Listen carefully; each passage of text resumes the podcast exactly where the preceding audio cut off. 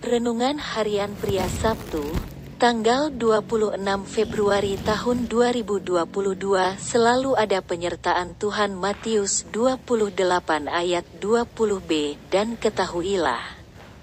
Aku menyertai kamu senantiasa sampai kepada akhir zaman. Amanat agung bukanlah sebuah pekerjaan yang dapat dilakukan dengan kekuatan dan hikmat manusia saja. Amanat agung merupakan pekerjaan yang sangat mulia dan besar.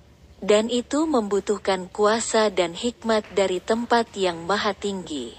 Itulah sebabnya Yesus menutup perintah amanat agung untuk pergi dan menjadikan segala bangsa menjadi muridnya dengan sebuah janji. Janjinya berbunyi demikian. Aku menyertai kamu senantiasa sampai kepada akhir zaman. Janjinya bukan semoga, bukan juga akan, tetapi pasti aku menyertai kamu. Dan bukan untuk sementara saja penyertaannya, tetapi untuk selama-lamanya.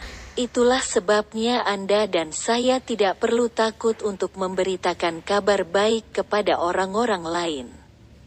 Memang bisa ada pertentangan dan penolakan tetapi yang harus kita ingat adalah penyertaannya bagi kita.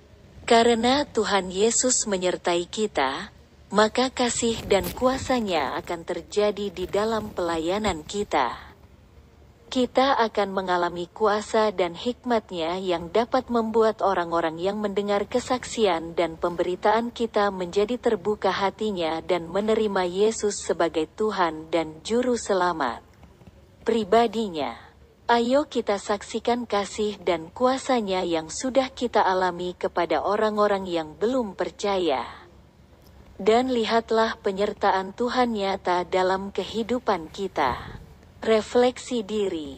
Apa yang firman Tuhan katakan kepada Anda? Bagaimana kehidupan Anda dengan firman Tuhan itu?